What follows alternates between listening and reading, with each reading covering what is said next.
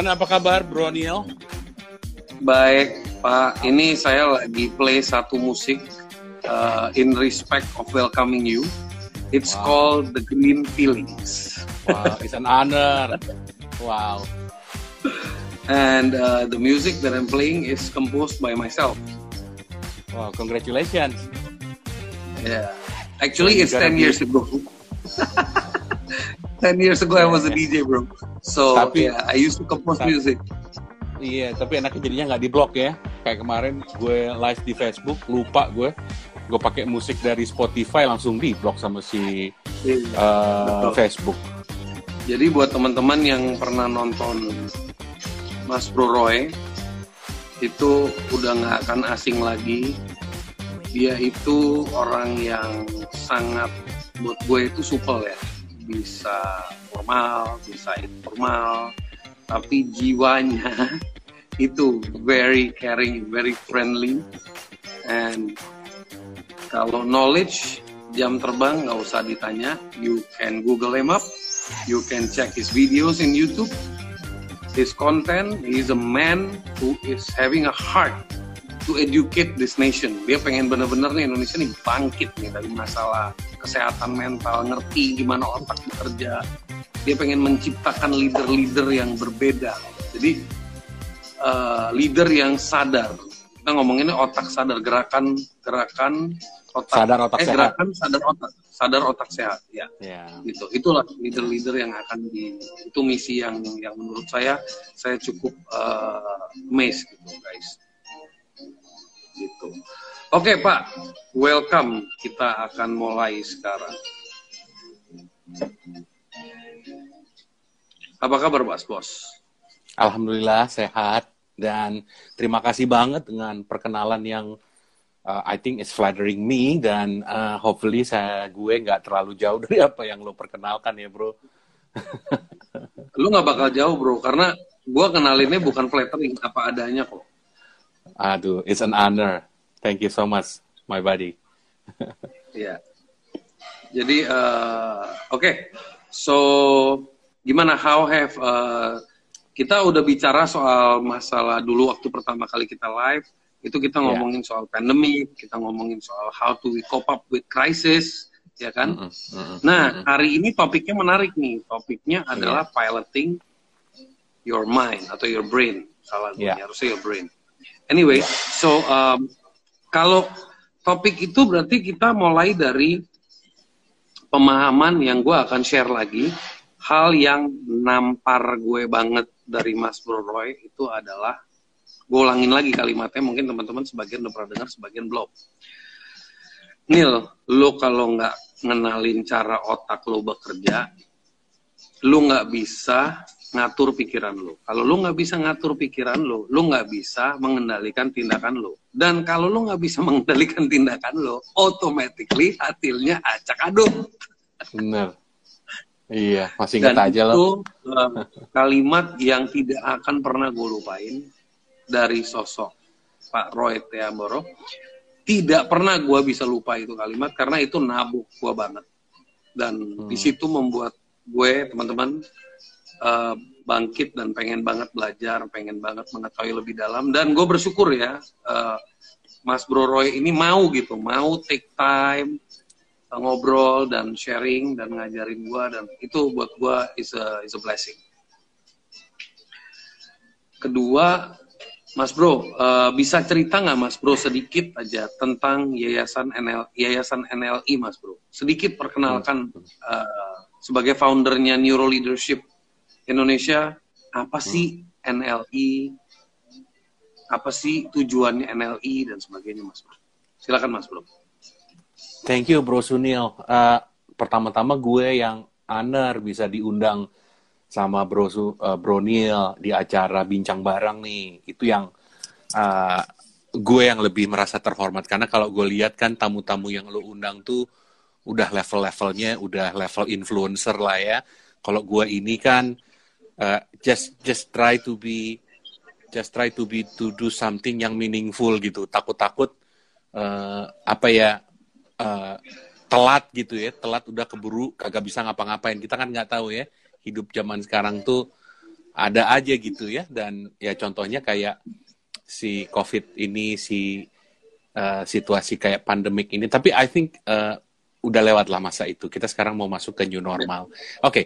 anyway thank you Bro Sunil dan teman-teman uh, Bro Sunil uh, para apa ya sebutannya buat sahabat uh, sahabat sahabat, sahabat ya. Ah sama kalau gitu sama.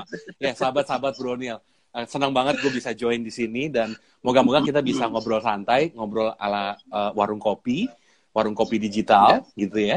Dan uh, ya gue sama Prof Taruna ngediriin sebuah yayasan namanya Nero Leadership Indonesia ta pada tahun lalu tepatnya tanggal 27 27 Februari uh, eh, 2019 dan sejak saat itu uh, it's like a, it's like a roller coaster yang seru gitu ya. Tapi terus terang yang justru salah satu yang membuat gue juga believe gue nggak bisa lupain juga pertemuan kita pada tahun 2018 di acara bedah buku gue di Sarina pada waktu itu yang uh, kita ngobrol panjang lebar yang akhirnya kita sebenarnya is like a, completing gitu ya Bro Neil ya. Dan kita saling empowering each other dan gue senang banget uh, kita bisa tetap keep up di di apa ya the friendship the connection. Ya gue juga senang juga lu juga berkenan masuk dalam Neuro Leadership Indonesia. Bagian dari ya uh, part of the part of the member yang dengan masing-masing kekuatan masing-masing keunikannya. So kita buat NLI itu memang inklusif bro. Jadi kita pinginnya tuh nggak ada satu batas pemisah gitu. Kita pinginnya tuh merubah mindset dari yang, nah ini tadi lo bilang kan piloting the brain ya. Jadi kita ada satu arah yang kita mau bangun, yaitu kita gimana hijrah dari competing mindset ya. Jadi competing mindset tuh is a scarcity gitu. Jadi ketakutan gitu. Kita takut takut kita nggak dapet, kita takut uh, kita kena virus, kita takut nggak dapet bagian. Jadi scarcity itu uh, itu adalah bagian dari yang kita mau hijrahkan ke abundance. Jadi dari competing ke completing. Nah ini menarik hmm. banget dari compete ke complete. Kan butuh huruf L kan, hmm. Bro Neil ya, dari compete yeah. ke complete. Betul. L itu leadership. Nah jadi leadership itu adalah yang iya yang ngebangun satu fenomena melengkapi to serve each other. Mm-hmm. Nggak nggak main-main ini nggak nggak gampang terus terang nggak gampang dan gua sendiri mm-hmm. menjalankan ini juga ups and down tapi I do believe kalau kita belajar otak dan kita kenal otak kita karena otak kita itu kayak mesin dan barangkali kita bisa asosiasikan di topik kita kali ini yaitu pesawat terbang gitu dan kita pilotnya. Nah kalau kita tahu istilahnya dalam kokpitnya kita tahu ada uh, instrumen-instrumennya dan kita kemudian bisa tahu apa yang menjadi mekanisme kuncinya untuk nerbangin tuh pesawat artinya juga untuk gerakin tuh otak sehingga nanti terjadi tuh yang namanya insya Allah gerakan sadar otak sehat. Jadi itu Bronil, kita bikin NLI itu sebagai bagian untuk menciptakan budaya kepemimpinan yang yang bisa disebarkan ke berbagai kalangan lah. Kira-kira gitu Bronil. Oke. Okay. Mas Bro Roy, uh, dalam uh, pengalaman dan jam terbang dan uh, apa evolusi yang terjadi terhadap -huh. diri Mas Bro Roy, dalam uh, mendalami yang namanya neuro leadership. -uh. Itu uh, tantangan terbesarnya itu apa waktu itu yang Mas Bro Roy hadapi? Yang membuat Mas Bro Roy sampai memutuskan gue harus nguasain nih field. Kalau enggak ini sih bahaya buat gue dan buat negara gue. Maksudnya buat buat the world lah, the world to become a better place. Gitu. Gue gue sih nggak neko-neko bro. Uh, pada waktu itu tahun 2012 itu itu momen gue kayak apa ya gue sedang menemukan jati diri baru karena dulunya tuh gue seven habiters banget gue itu mantan uh, mantan apa Franklin Covey Indonesia ya jadi betul-betul seven habitsnya si Stephen Covey itu ada di darah gue dan ketika gue udah hijrah dari tempat itu itu gue seperti kayak semacam pencarian gitu. Gue masih menemukan lagi ingin menemukan lagi sebuah pendekatan yang beyond dari apa yang pada saat itu gitu. Karena gue nggak tahu akhirnya dipertemukan lah pada waktu itu uh, sama klien gue juga. Dan gue nggak tahu kenapa klien gue kok baik banget. Jadi dia ngajak gue gitu uh, pak jadi mau ikutan nggak nih kita mau bikin acara training internal dengan beberapa uh, kolega kita. Uh, nanti Paro jadi uh, di, namanya jadi nama perusahaan kita aja. Ya, senang banget gue demen belajar gitu ya. Tahun 2012 hmm. gue ikut program namanya Quiet Leadership tuh pada waktu itu. Unik banget kan namanya hmm. kan. Quiet. Yeah, Jadi quiet leadership. leadershipnya diem gitu kan. Gue kan kepo dong. Ini apaan nih maksudnya? Eh ternyata pas gue ikut hmm anjir gila keren banget itu yang namanya padahal baru gue diper, diperkenalkan eh, pada saat itu gue inget itu adalah ternyata otak itu bisa ngebangun yang namanya sinaps baru itu lebih banyak daripada jumlah atom di galaksi Bima Sakti Tata Surya. Itu doang yang gue tahu tuh pada tahun 2012 hmm. nah hmm. dari situ gue lihat tek gitu ya. Nah itu gue nggak tahu gimana. Kayak masa tek. Nah ini dia nih. Ini different banget. Karena pada waktu itu nge ngegabungin si fasilitatornya pada waktu itu dari Afrika Selatan dia bisa ngegabungin antara otak fisik gitu ya yang betul-betul pure neuroscience dan ternyata dari otak itu ternyata seperti seperti mesin mesin apa? Mesin berpikir. Nah keluarannya apa? Keluarannya adalah insight. Nah akhirnya dari situ uh, gue berlanjut gue koresponden sama tuh fasilitator sama beberapa orang dari Neuro Leadership Institute. Pada waktu itu namanya Neuro Leadership Institute uh, di 2012 eh bukan. Waktu itu masih NLG namanya. Neuro Leadership hmm. Group. Nah hmm. akhirnya uh, gue langsung bisa ketemu sama si David Rock itu. Nah gue nggak nyangka pada hmm. saat itu David Rock masih masih belum terlalu terkenal gitu ya. Tapi begitu gue ikutin aja gue akhirnya ke Singapura uh, dan, dan kemudian gue ikut seminar si David Rock atas atas apa ya atas uh, itunya dorongan dari si orangnya dari Neuro Leadership Group itu udah gue jalanin. Hmm. nah di situ pas gue langsung ketemu sama David Rock dan David Rock di situ bicara mengenai the neuroscience of leadership. The dare. Bener-bener gue enlighten banget dan gue ikutin.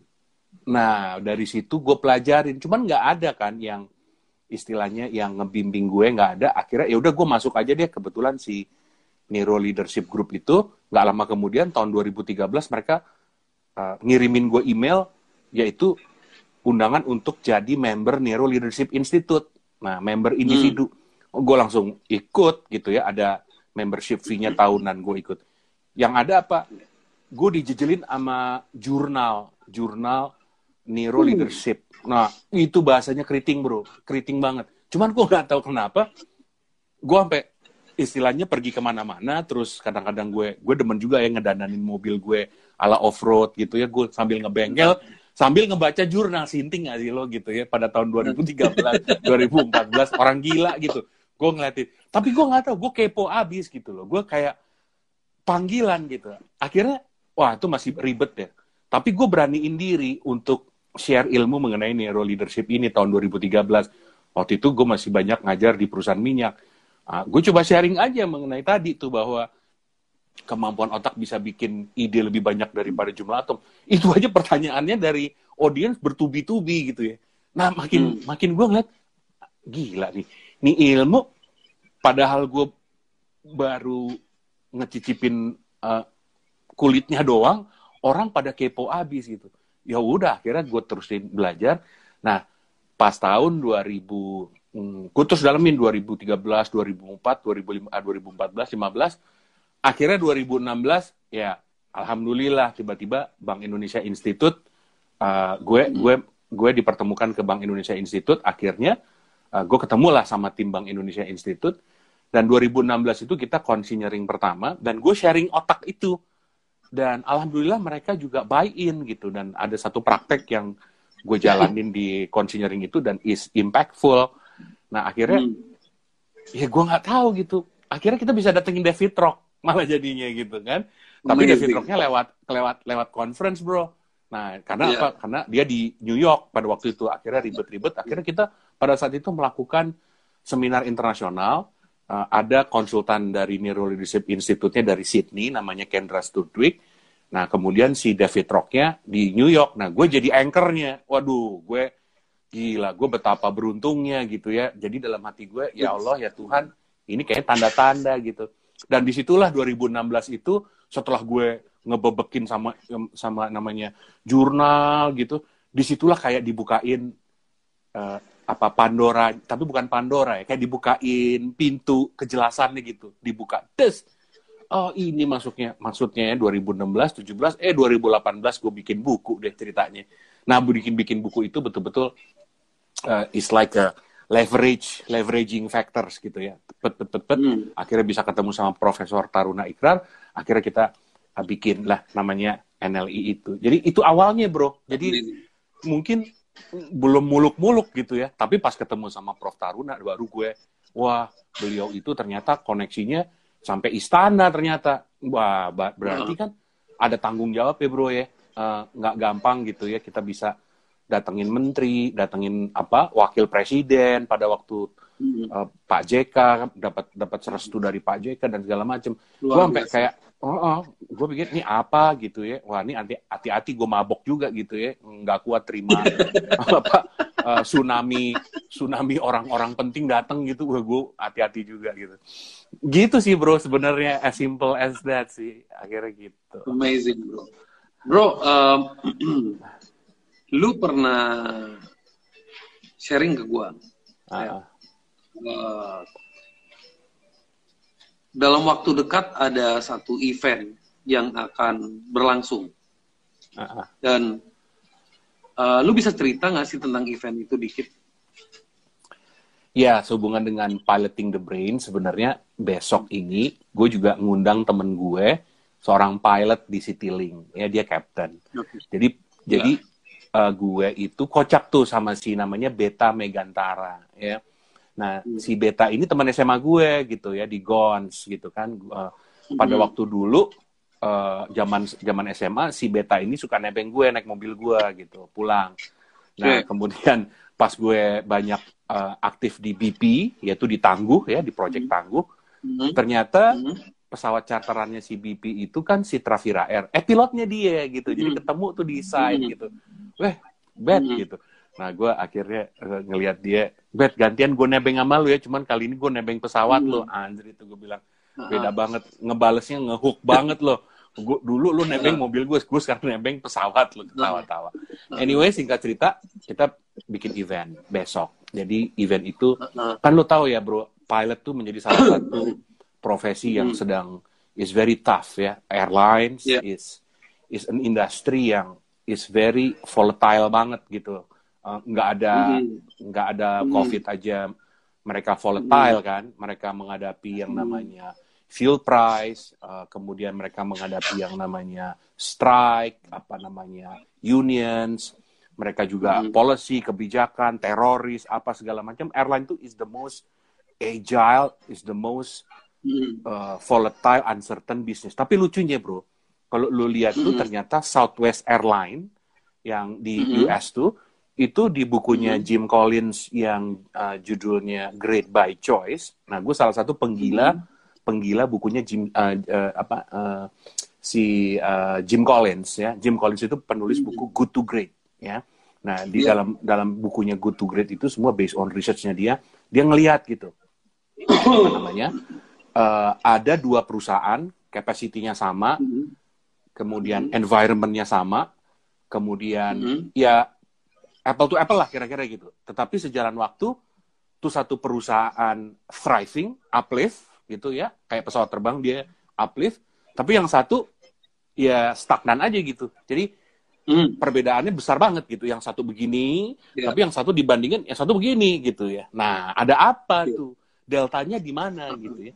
Nah, ternyata hmm. satu satu perusahaan yang kayak begitu justru Southwest Airlines. Southwest Airlines adalah perusahaan yang paling menguntungkan. Jadi lu invest di perusahaan itu. Nah ini risetnya tahunnya jadul sih ya. Cuman kan nggak mengurangi hmm. dari makna ikhtiarnya perusahaan itu kan. Yeah. Jadi lu, lu yeah, misalnya yeah. invest di perusahaan itu tahun 75 gitu. Dalam hmm. waktu hmm. sekitar uh, eh, 15 tahun ke depan. Itu hmm. Sekitar 162 eh 175 persen lebih besar returnnya dibanding wow. uh, harga saham rata-rata. Lu invest rata-rata. Okay. Jadi ini membalikan Gila. semua apa ya? Membalikan semua prasangka gitu ya bahwa lu kalau hmm. masuk ke dalam sebuah industri yang beresiko, maka lu akan menemukan hasil yang tidak akan optimal. Tapi malah kebalik hmm. gitu ya.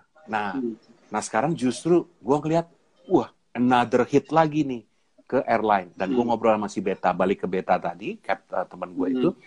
Bet, kayaknya gue lihat ada semacam korelasi nih antara lu sebagai pilot dan bagaimana sebagai pilot itu kita mengambil keputusan gitu. Nah, kuncinya adalah sebagai uh, gue sebagai praktisi neuro leadership, gue ngelihat ujung-ujung kita semua ini adalah ngambil keputusan nih.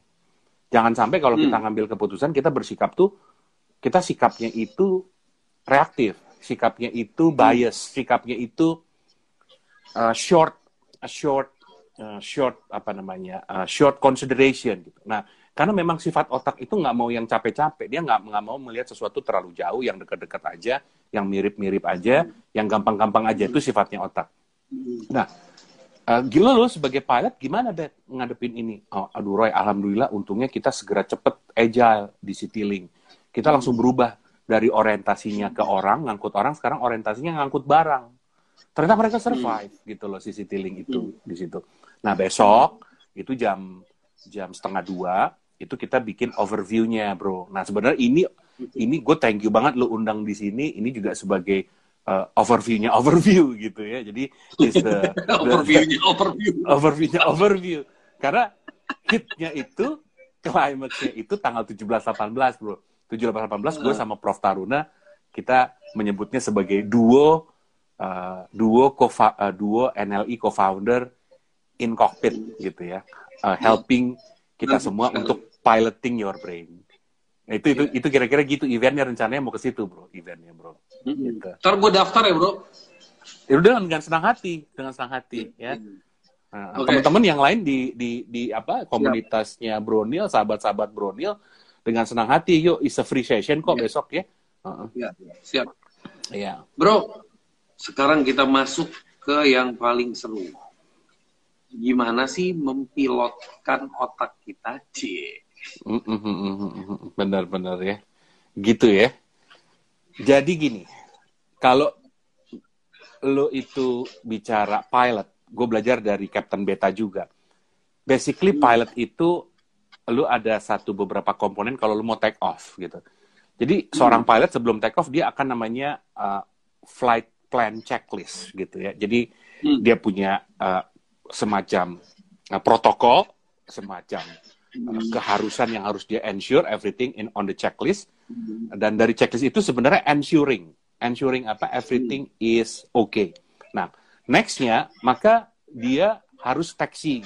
Nah, dia taxiing menuju landas pacu. Oke. Okay? Iya. Yeah. Nah, di landas pacu maka dia harus tahu nomor satu adalah where is the destination.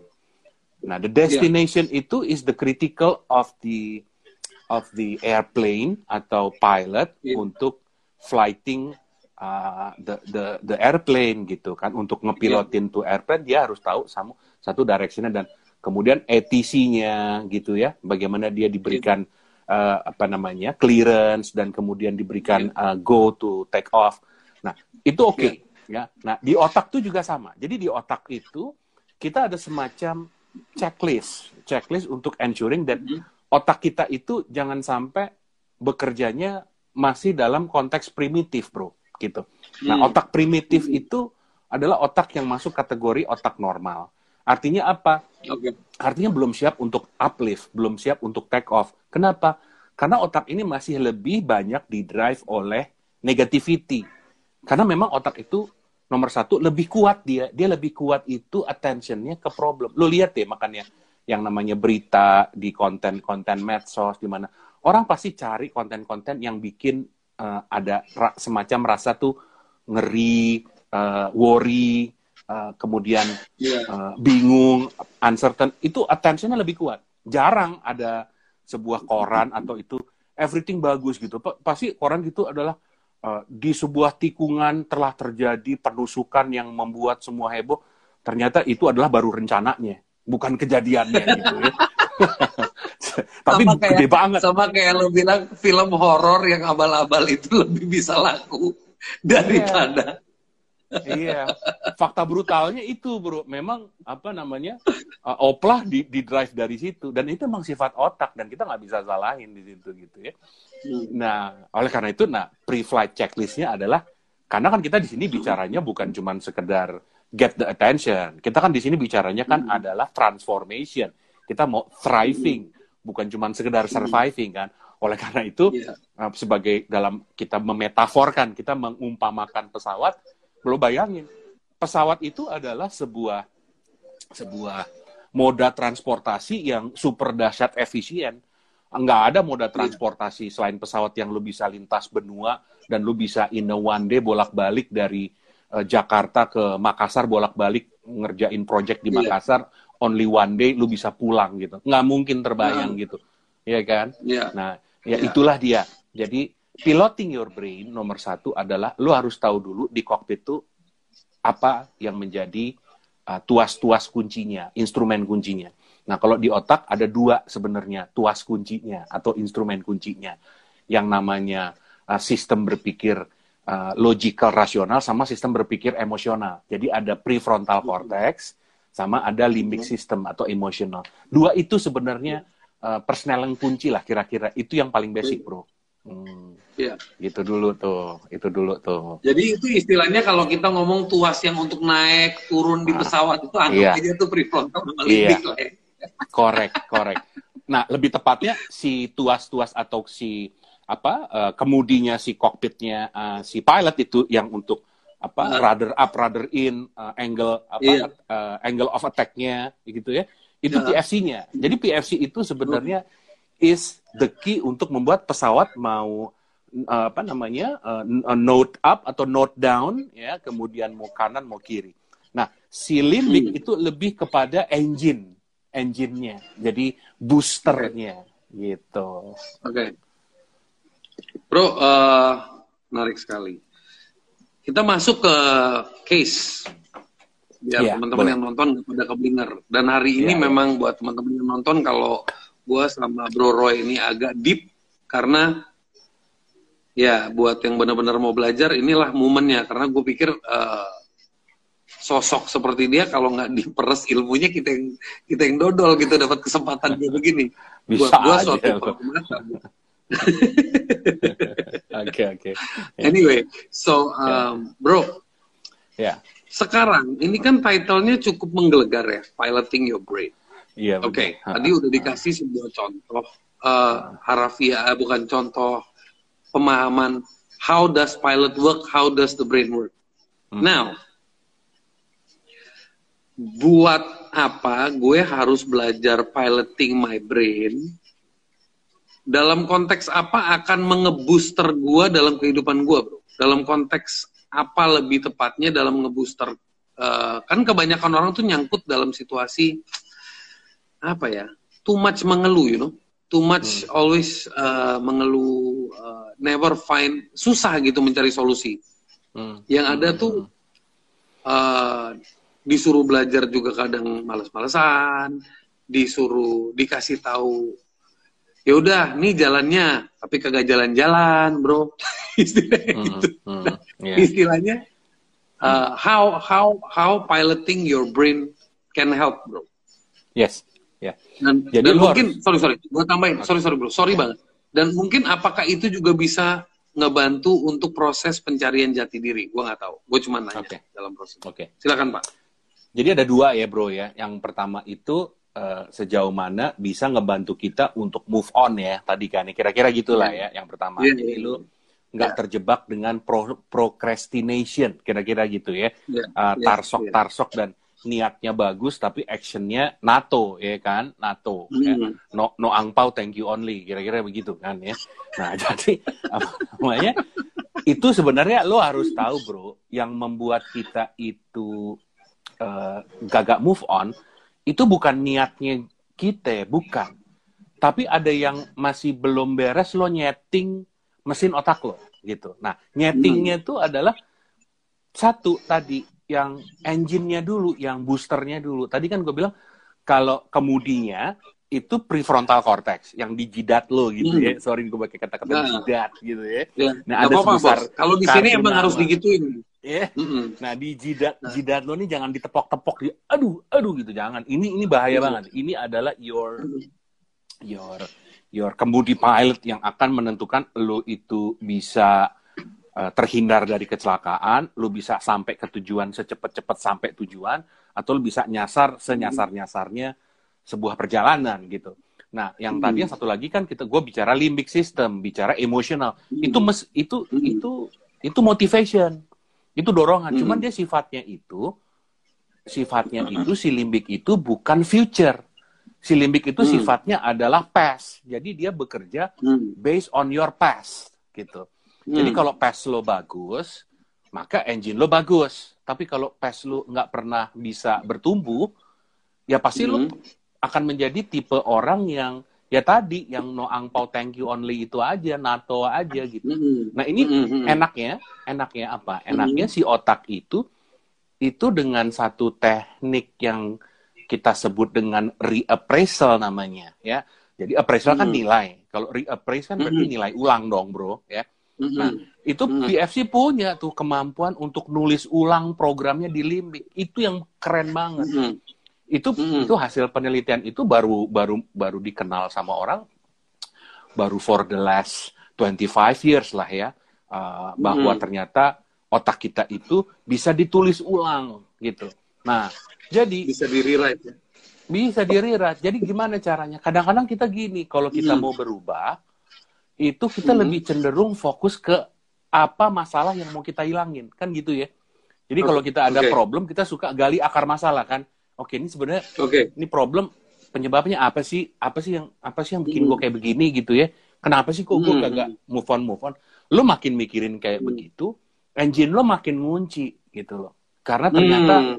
si sirkuitnya nah ini gue mulai pakai ada kata-kata yang jorok nih ya sirkuit Nggak apa-apa bro sirkuit di otak gitu ya uh-huh. itu karena udah ada jadi sirkuit banyak banget bro itu kayak kayak lo punya perpustakaan deh di limbik tuh namanya mm-hmm. ada satu bagian hipokampus nah itu tempatnya perpustakaan lo jadi yang tadi gue bilang mm. kalau tuh dalam perpustakaan otak lo itu itu isinya adalah buku-buku yang keren ya dialog-dialognya Bronil yang keren ibaratnya di dalam itu dibanding sama isinya porno isinya gaming yang gak jelas beda banget nih ininya reference okay. point of actionnya beda banget ya nah okay. oleh karena itu uh, untuk kita bisa move on, maka lu harus sadarin dulu bro nomor satu. Apa yang harus lu sadarin? Gue kayak begini ini, misalnya gagal move on ya, dalam konteks gue gagal move on. Hmm. Gue gagal-gagal terus ini bukan karena gue, tapi ada yang masih belum gue tulis ulang nih di otak gue. Itu udah beda caranya bro. Jadi lu udah sebagai okay. leader bagi otak lo, lu udah jadi pilot bagi otak lo gitu. Ya. Hmm. Nah, lo tahu kan, lo masih inget dulu yang yang ini apa namanya? Jungkak uh, jungkak jungkit. Oh, nggak bakal bisa lupa. Nggak bakal bisa lupa. Ini ini tuasnya, ini mekanisme uplift sama uh, apa namanya uh, kemudian note note up note down uh, ang, angle of attack-nya di situ. Nah oleh karena itu itu nomor satu, lo aware dulu bahwa lo bisa tulis ulang program di limbik lo pakai PFC tadi itu tadi. Mm -hmm. Nah dengan lo ikut ikut program ini atau dengan lo paham lah paling nggak ada dua bagian otak yang satu PFC satu limbik nah PFC ngelit limbik nah apa yang dilit menulis ulang si isi limbik berarti apa gua mau bikin si limbik gua ini lebih cerdas jadi bukan hmm. bukan kayak kuda on gitu bukan kayak pesawat yang cuman ada mesinnya ada bensinnya tapi nggak jelas tujuannya nah ini gue set up yeah. dengan pakai GPS dan segala yeah. macem ya akhirnya yeah. contohnya ya kayak SpaceX lah kira-kira gitulah yeah. SpaceX Betul yeah. yang Dragon sekarang itu lo lihat astronotnya beda, yeah. cara nyetirnya Betul. juga pakai kayak kayak apa kayak game gitu ya. Nah itu yeah, yeah. itu bisa digambarkan kayak begitu bro. Itu. Yeah. Oke, okay. guys. Jadi uh, kebetulan pas Mas Bro ini cerita, gue mau ceritain lo sesuatu apa yang gue apa manfaat gue dapet kenalan sama dia, ngobrol sama dia. Tepatnya adalah pas lagi uh, launching bukunya jadi kita kalau nggak salah waktu itu kita ngobrol hampir two and a half hours ya bro. yes yes.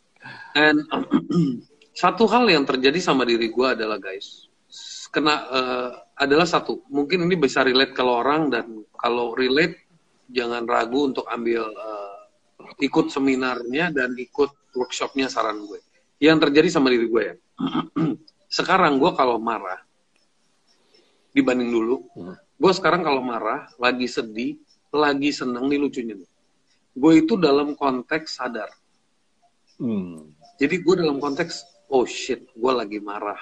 Gue lagi hmm. dikendaliin sama si daging kecil monyet yang ada di kepala gue. Gila nggak? Jadi gue itu bisa dapat ilmu itu gara-gara belajar dari Mas Bro gue ini yang hebat itu. Dan akhirnya apa yang terjadi? Gue bisa mengendalikan diri gue dalam konteks begini. Uh, ah. eh, gue misalnya marah, ya udah, gue nggak akan menekan amarah gue. Gue akan marah. Cuman gue langsung bisa tahu, oke, okay, enough, nggak usah dilanjutin. Uh. Oke, okay, ini bukan gue, ini ada yang ngendalin gue. Enough, uh, gue bisa move on lebih cepat, gue bisa forgive, gue bisa be more rational, lebih kenapa gue harus marah ya? Kenapa gue tersinggung ya? Jadi kayak mulai otak pertanyaan-pertanyaan yang lebih lebih mengendalikan. Jadi gue mengendalikan diri gue. Eh tunggu tunggu tunggu, lu jangan langsung reaktif. Dan itu terjadi sama diri gue. Dan menurut gue, thank you Mas Bro Roy. It has helped me a lot. It has helped me a lot. Um, dalam uh, mengendalikan, menjalankan hidup gue, mengambil keputusan sehari-hari, atau merespon terhadap sebuah situasi itu ngebantu banget. Hmm. Gua punya satu penasaran dan ini gue merepresent teman-teman sebagai pesona. Hmm. Pesonanya begini. Kadang mempelajari ilmu itu kan beda-beda, Mas Bro. Ada yang tujuannya Oke, okay, gue gue ngomong dari pesona orang yang sangat naif. Gue ngapain harus capek-capek belajar tentang neuro leadership? Sedangkan saat ini yang fokus utama gue adalah gue harus cari duit dulu nih. Gue mau survive dulu nih, misalnya gitu ya. Ya. Kalau gue, kalau dia ngomongnya ke gue, gue bakal bilang lu harus belajar itu. Kalau gue, tapi kan kadang-kadang ada orang yang berpikir it's not relevant dengan situasi gue sekarang. It's not relevant dengan kebutuhan gue sekarang. Gimana sih Mas Bro bisa menjelaskan dengan uh, tips lo lo pasti punya masalah ini ini ini dalam hmm. keseharian lo. Lo tahu nggak cara menyelesaikannya? Misalnya kayak gitu. Kenapa lo butuh hmm, ilmu ini? Gitu, gitu bro. Thank you bro. Iya yeah, Oke. Okay gimana pun ju gimana pun juga memang kita semua itu kan punya problem that need to be solved either itu mm-hmm. atau might be kita punya satu keinginan yang we want to achieve right? Nah yeah. jadi dari dua itu. Dan kenapa lo mesti belajar ini? Karena lo tahu nggak bro bahwa ternyata Tuhan itu ciptakan otak itu sebagai how making machine. Nah ini gue selalu tekenin kepada para klien-klien gue, temen gue, kolega gue, siapa pun deh ya yang pingin belajar itu bahwa nomor satu lo tahu nggak bahwa otak lo itu punya kemampuan yang namanya prediktif. Gokil men, gokil mm. banget ini. Contohnya apa itu? Contohnya? Lo kata contoh kayak David apa namanya Roger Federer, Roger Federer petenis tuh ya, yang kita tahu udah banget keren banget. Itu dia pada saat jaya-jayanya itu dia pernah menerima servis mm. dari lawan yang kecepatannya sampai 230 miles per hour. Mm. Dan dia selalu bisa balikin itu, bro. Dan balikinnya yeah. itu bukan balikin asal balik, balikinnya itu dead and return gitu loh. Yang dibalikinnya sampai wah gitu. Apakah si Roger Federer itu bersifat reaktif dalam balikin bola itu. Kagak. Dia hmm. udah punya kemampuan prediktif. Dan ternyata hasil riset neuroscience gokil banget. Jadi gini, risetnya risetnya gini. Gue baca di salah satu buku neuroscientist. Itu ada sebuah percobaan. Orang dikasih gambar ganti-ganti ya. Gampangnya gini. Gambar bola sama gambar kotak. Gitu. Jadi hmm. setiap jeda 13 detik itu diganti gambar. Dikasih gambar kotak, hmm. tek. Hilang, bola, nanti bisa bola lagi, tek, tek. Setelah 108 kali muncul tuh, si otak bisa memprediksi next picture 11 to 13 second before. Bisa Wow. ternyata. Itu ngokil, men. Dan, dan gue merasakan di diri gue, men. Gue itu sekarang, alhamdulillah, semakin lu semakin lu tenang hidup lu dan lu semakin accepted. Jadi nomor satu tuh adalah acceptance. Acceptance, acceptance is the most important apa ya gue bilang ya acceptance tuh is the most important condition for your brain to unleash the predictive power of the brain ya nah jadi itu nomor satu dulu jadi pukulan pertamanya acceptance ketika lu accept dan lu nggak dalam posisi yang ancaman ya jadi otak tuh sebenarnya Yeah. menilainya ancaman imbalan dan lu nggak dalam posisi Hmm. ancaman dan lu dalam posisi yang enjoy plus kepo enjoy plus kepo lu lihat lu akan menemukan satu kemampuan untuk ini kayaknya begini nih. Nah, nah itu di, da- di di NLI itu kita sebutnya namanya sebuah kecerdasan kecerdasan waskita. Jadi kemampuan untuk visioning, kemampuan untuk foresighting. Ya. Nah, era kayak sekarang nanti masuk ke dalam era new normal, stepping into the new normal, kita harus masuk ke dalam sebuah kemampuan otak untuk menjadi true north. Jadi otak akan memberikan guidance kita 11, 13 second before it's happening in outside. Wow. Gimana kita nggak perlu belajar kayak begitu? Untuk apa? Untuk we make a decision yang memang sesuai dengan vision.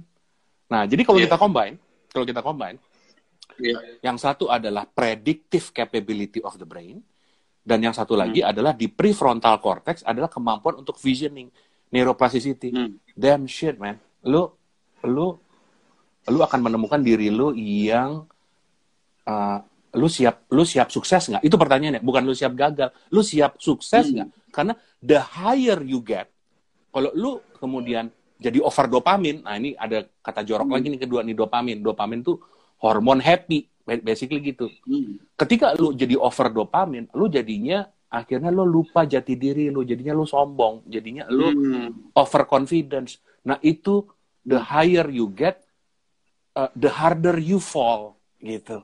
Ya. Hmm. Nah itu yang harus kita uh, waspadai sehingga kan banyak lo lihat tuh orang yang uh, tadinya sukses cepet terus kemudian jatuhnya juga cepet. Jadi kayak up Iya. and down, ntar reaktif ganti Iya. lagi. Tapi lo lihat Iya, iya, nggak iya. banyak orang yang bit by bit ya kemudian tapi improve every day, improve tapi solid man. And at the end of the Iya. day it's crystallized. Benar. And when when Benar. when it change into in, into the state of crystal, lo mau taruh di lumpur kayak, lo mau taruh di tong sampah kayak, lo mau taruh di mana kayak, tetap aja itu diamond gitu. Lo akan Iya, dicari, man. Amazing. Gitu, bro. Gitu, bro. Ini ada mulai pertanyaan nih, Bro. Bagaimana kalau kita bekerja di lingkungan yang suka mengeluh? Mm-mm. Gitu, langsung gue jawab ya. Iya. Iya, iya. Uh, basically, pokoknya kalau kita ada li- di lingkungan yang suka mengeluh, kalau kita biarin otak kita bekerja secara normal, maka otak lo pasti akan copying dengan situation. Karena itu nanti otak lo punya uh, kemampuan namanya mirror neuron. Jadi dia mirroring Hmm. dengan environment. Hmm. Nah, jadi nomor satu, lo jangan biarin otak lo itu ngikutin situasi. Nah, caranya sebenarnya ada tiga. Kalau lo bisa hindarin, lo Hmm. hindarin deh. Jangan jangan Hmm. semuanya lo curing gitu, capek gitu. Kalau bisa lo hindar, lo hindar. Karena otak lo kesian. Otak kita itu udah kerjanya berat. Jadi kalau bisa kita, uh, jadi itu tadi, kita preventing. Akan much better kita preventing dari lingkungan-lingkungan yang destruktif. ya.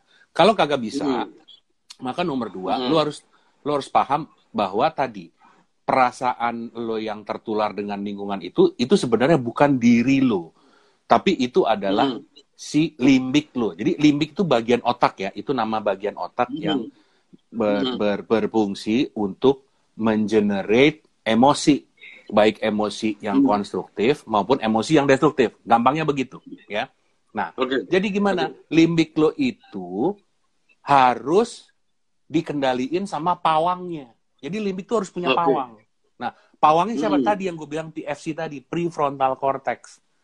Itu Hmm. pawangnya dan dan dan si limbik itu nurut sama si PFC. Yang tadi gue bilang PFC ada di mana di jidat, si limbik ada di mana? Ada di dalam deh. Pokoknya di tengah-tengah bonggol, di Hmm. dalam otak kita di dalam tengah-tengah. Hmm. Itu itu primitive brain atau mammalian brain lah si limbic system itu. Karena kita manusia ini sebenarnya adalah emotional creatures. Nah, emotional creatures itu uh, kita sebenarnya disatukan oleh mammalian brain awalnya. Baru kemudian ada cortex kulit otak. Nah, kulit otak itu salah okay. satu bagiannya prefrontal cortex. Nah, oleh karena itu kembali ke pertanyaannya, kalau bisa lo hindarin-hindarin lingkungan itu, tapi kalau lo nggak bisa, berarti lo harus activating your prefrontal cortex yang di jidat lo itu dengan menggunakan okay. tiga cara. Apa tiga caranya? Mm -hmm. Lo fokus ke visi itu, ya. Okay. Jadi jangan fokus ke situasi, tapi lo fokus ke visi. Apa visinya? Visinya adalah gue bisa menghadapi ini dengan tenang dan gue bisa membuat situasi ini bukan malah melemahkan gue, tapi situasi ini justru membuat gue jadi uplift gitu. Karena no pain no gain dan dari yeah. sudut pandang airplane kembali lagi karena kita bicara mm-hmm. airplane piloting your brain, maka pesawat itu bisa terbang kalau ada gaya lawan. Kalau nggak ada gaya lawan, yeah. pesawat nggak bisa terbang, nggak bisa terbang. Jadi harus yeah. ada counter flow.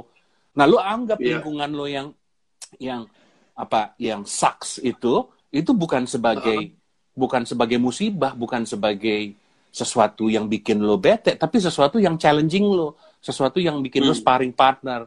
Jadi itu caranya untuk membuat uh, situasi jadi lebih konstruktif. Jadi lo tersenyum gitu loh. Ah seru juga nih, ini orang-orang gila ini unik juga ya. Jangan lo ngomong, ini orang nyebelin banget sih nih. Ini parah nih kelakuan nih, ini negatif. Jangan. That's what I do now. That's what I do, amazing. Jadi gak ada efek iya. Jadi lu lihat, nih gok gokil aja nih orangnya, lucu-lucu ya sambil senyum gitu loh. Lu sambil senyum, kocak ya nih orangnya. Ada ya, ada orang kayak begini, orang kayak begini. Jadi lu lu stresnya tuh you stress, Bro. Bukan distress, tapi you stress. You stress tuh eugenic, eugenic stress. Jadi malah pembuluh darah lu membesar. Kalau tadi yang hmm. distress kebawa sama situasi, lu banyak melihatnya itu sebagai masalah, pembuluh darah lu sering jadi menyempit Uh, uh, gitu. Nah itu yang bisa gue katakan ke apa namanya sahabat-sahabat Bronil. Nomor satu kalau bisa lo hindarin hindarin. Tapi kalau nggak hmm. bisa, berarti lo harus setting vision lo kuat. Itu tadi setting visionnya kuat hmm. dan lo reappraise tadi ya. Lo maknai ulang hmm. situasi. Jangan lo anggap situasi ini jadi beban. Lu justru anggap situasi ini jadi empowering situation buat lu. Minimal buat ngapus dosa-dosa lo deh yang banyak itu deh. Kira-kira kan begitu, Bro. Iya. Mantap. Gitu. Bro, uh, apakah trauma berhubungan dengan otak? Oh, jelas. Karena trauma itu memori, ya. Jadi, hmm. nah tergantung nanti intensitas traumanya. Jadi kalau traumanya itu masih dalam konteks yang mild, ya, kita bisa rewrite kita Bisa. Tadi kan masih gue bilang uh, bilang kepada uh, sahabat-sahabat Brunil tadi kan kita bisa tulis ulang limbik tuh di dalam perpustakaannya limbik. Nah, sekarang masih ada nggak? Udah ada atau masih hilang? Udah. Oke, lanjut ya. Iya lanjut. Oke, lanjut. Nah, jadi tadi uh, kita bisa tulis ulang. Kita bisa tulis ulang hmm. masalah trauma hmm. tadi. Uh, Hmm. Nah tergantung dari tergantung tadi gue bilang intensitasnya ya. Kalau intens intensitasnya hmm. deep ya berarti lu ke psikolog lah. Karena itu hmm. konteksnya bukan lagi otak normal, konteksnya adalah otak hmm. sakit gitu. Nah itu harus dibantu sama ahlinya. Kalau gue kan lebih banyaknya dari otak normal ke otak sehat. Nah dari otak normal ke otak sehat kita bisa rewrite. Nah tapi memang salah satu yang uh, apa namanya trauma itu kan ada yang sifatnya mild, mild trauma. Nah itu yang kita bisa rewrite ulang. Nah, di bagian hmm. hipokampusnya itu. Nah, caranya gimana? Pokoknya lo kalau mau ngilangin trauma lo, lo mikir paradoksnya dari trauma itu. Lihat hmm. paradoksnya. Jadi misalnya traumanya, hmm. traumanya lo malu gitu. Lo pernah dipermalukan di depan hmm. publik gitu dan hmm. dan bikin blunder kira-kira begitu dan kira trauma hmm. kan ke tempat itu. Jadi lo harus lo nilai ulang kebalikannya. Apa nilai ulang kebalikannya? Gila, kalau nggak ada trauma itu, gue nggak bisa improve kayak begini gitu. Kalau nggak ada trauma itu, gue nggak bisa uh, corrective action kayak begini. Nah itu nomor satu. Jadi lo lo lihat hmm. paradoksnya, kon konstruktifnya. Udah gitu, lo bikin visinya. Visinya apa? Gue happy, gue enjoy, gue freedom, gue independent, dan gue hijrah, dan gue move on, dan gue ke arah yang lebih happy. As simple as that, bro. Gitu. Guys, gue tuh saking pengen pengen ngomong banyak sama Mas Bro Roy, tapi kayaknya buat lo orang nggak akan cukup. Jadi gue mungkin akan merencanakan bikin Zoom kelas. Karena ini ada pertanyaan-pertanyaan seperti ini, bro. Gimana cara supaya kita persisten, misalnya ya? Iya. Ngandalin iya, otak betul. sesuai tujuan. Buat kita yang sudah set tujuan tapi akhirnya melenceng karena masalah diri yang kurang persisten. Ada hal-hal teman-teman yang kita tuh nggak bisa dapat jawaban like gue nanya lu jawab terus selesai. Jadi em, ada jawabannya begini, misalnya gini, gue punya masalah, gue datang ke Mas Bro Roy, bro, gue masalahnya begini-begini, dia cuma kasih gue gambaran, misalnya karena gue datang, atau gue ikut sebuah pelatihan. Jadi pelatihan tuh sebenarnya jadi di train langkahnya sampai benar-benar paham. Jadi ada cuma satu jawaban, ada satu lagi dibimbing, dikasih frame of mind-nya, thinking-nya dan sebagainya. Dan kadang-kadang teman-teman menurut gue ya, menurut gue nggak ada salahnya sih kalau kita yang penting udah diniatin, kita merasa kita memang perlu improve. eh ya kita belajar lebih dalam lagi lah. Kita belajar lebih dalam lagi. Buat Yu, Yaki, U, dan Yaki Udin Aditya, eh pertanyaan lu itu nggak bisa dijawab dengan satu kata atau satu kalimat atau satu penjelasan. Jadi saran gue, eh, you must learn gitu, you must learn. Dan mungkin kalau teman-teman semua di sini setuju, tinggal ketik, eh, kasih jempol aja. Mungkin gue akan atur waktu untuk bikin kelas. Eh, of course, gue nggak akan mensia-siakan waktunya Mas Bro gue. Ya sedikit berbayar tapi istilahnya menghargai waktu tapi at the end of the day kita semua bisa belajar lebih baik lagi kita bisa tertata lebih baik lagi. Dan em, bisa dapat setidaknya pulang itu dapat langkah apa yang harus kita praktekin over and over and over dan itu itu akan menjadi solusi gitu. Gitu loh Em, Mas Bro, kalau lo nggak keberatan, one day soon kita bakal organize. Sementara kelas yang existing yang sudah berjalan yang ada di itu nanti gue akan bantu share ke teman-teman juga. Karena ini waktunya juga sudah mepet, sudah tinggal Iya. dua menit lagi. Iya, Eh, betul. gue pengen banget ngobrol tapi gue kayaknya akan mencoba mem- membangun lebih deep ya deep Ah. dan yang jempol banyak nih yang jempol banyak Alhamdulillah. ya. Thank you, eh, sahabat-sahabat Brunil. Thank you. Pastilah thank you juga so eh, Pak kasih eh, statement penutup Pak Uh, oke. So the statement of penutup adalah just be blessing of your life itu nomor satu ya. Karena ketika kita masih bisa ikut forum-forum kayak begini dan kita punya sahabat kayak Bronil dan Bronil punya komunitas kayak sahabat-sahabat semua. Nggak semua orang punya kayak begini loh. Itu nomor satu bro. Ya jadi uh, kita masih punya koneksi internet kita masih punya gadget kita masih bisa gunakan untuk diskusi sesuatu yang meaningful konstruktif. Nggak semua orang bisa begitu loh bro. Gitu kan. Terus kemudian kita masih dikasih sehat kita masih dikasih waras. Nggak semua orang punya begitu loh bro. Ya so 20 detik bro. Gratitude is the gods of a healthy brain.